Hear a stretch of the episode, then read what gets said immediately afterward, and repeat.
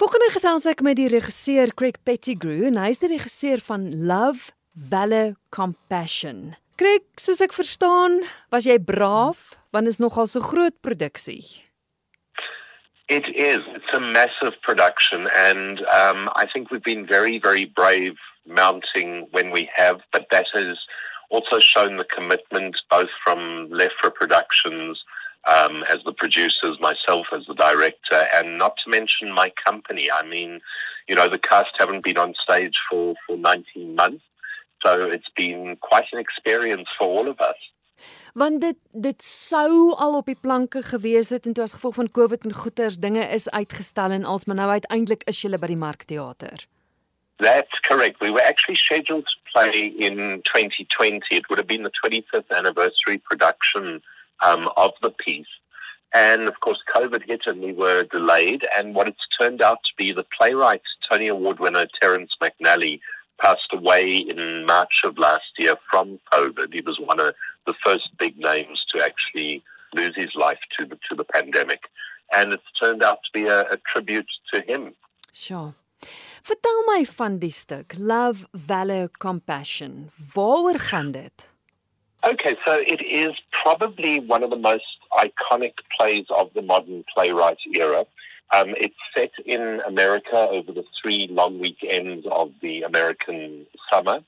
And it's about eight guys, eight gay guys that get together and spend the three weekends together. And it's really a story about relationships, love, how we deal with different problems, and of course, in, in that time, the AIDS pandemic was, was huge, and there is an underlying theme. Two of the characters are dying.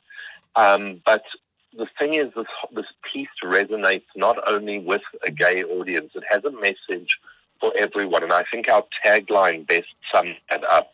You know, friendship is everything. If you think about what we've been through during the pandemic that we're still going through, um, I think for uh, most of us, if it hadn't been for the friends in our life that have kept us sane and kept us stable, I hate to think where a lot of us would be. And this play just resonates so, so clearly all these years later as to how strong relationships and friendship are, friendships are um, in, in survival and in, in getting us through the tough times.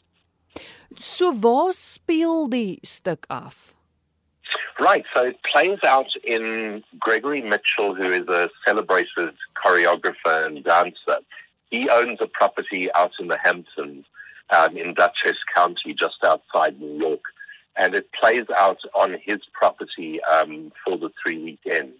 So he hosts the guys as they all come and experience different things. I mean, from um, dinner parties to skinny dipping, um, you name it, it all happens at the house. Daar's 8 karakters eh, uit die aard van die saak om dit 'n goeie toneelstuk te maak, moet dit uiteenlopende karakters wees. Vertel my gou-gou vinnig, miskien dalk van die karakters en en van die akteurs wat dit vertolk. Sure. So um, it's eight characters, seven actors, because one of the actors, James Van Helsingen, plays the twins, John and James Jekyll. Good. And um, they might look alike, but they're two very, very different characters. John is really the protagonist of the piece, whereas James is the nice, loving, caring type. Um, so it's a, it's a good challenge for James. And what's so special about having James in the cast is he played um, Bobby, the blind character, the first time this production was done in South Africa, which was in 1996.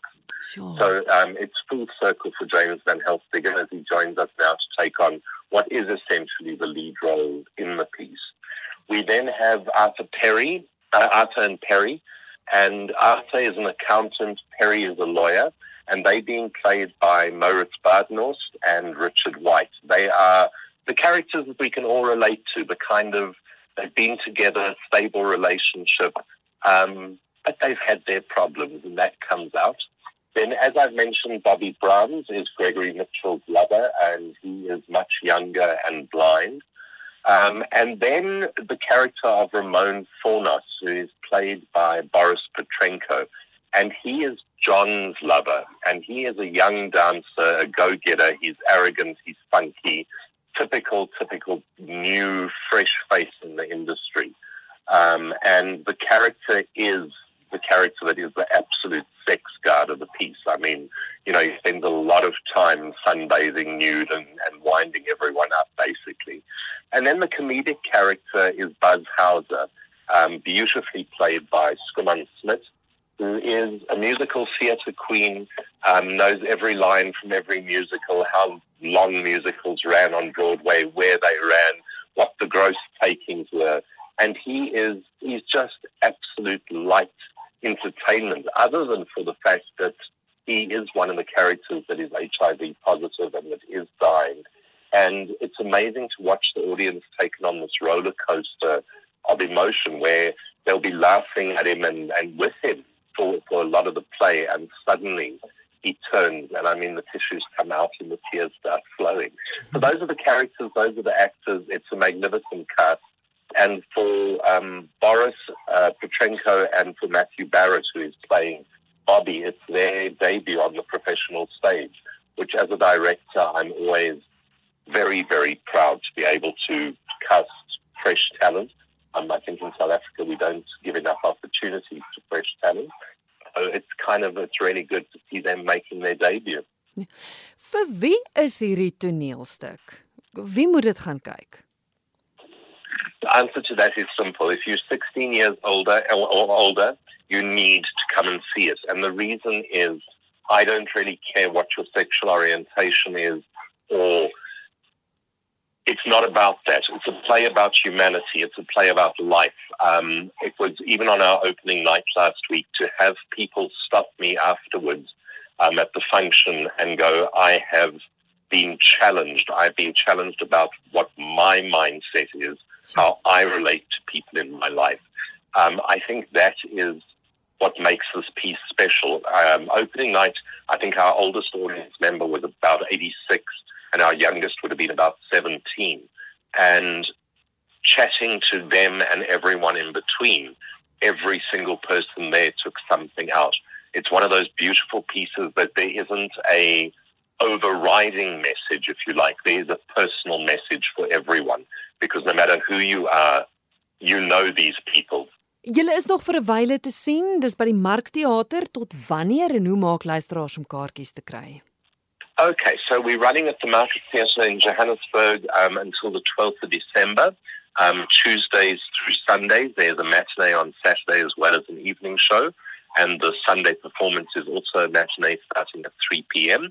And you can get your tickets from L Tickets um, or from Web Tickets. So L Tickets and Web Tickets is how you book. And the best way to do that is to visit our website, which is lovevalor.co.za and you can click on the links there and book your tickets directly from the web page.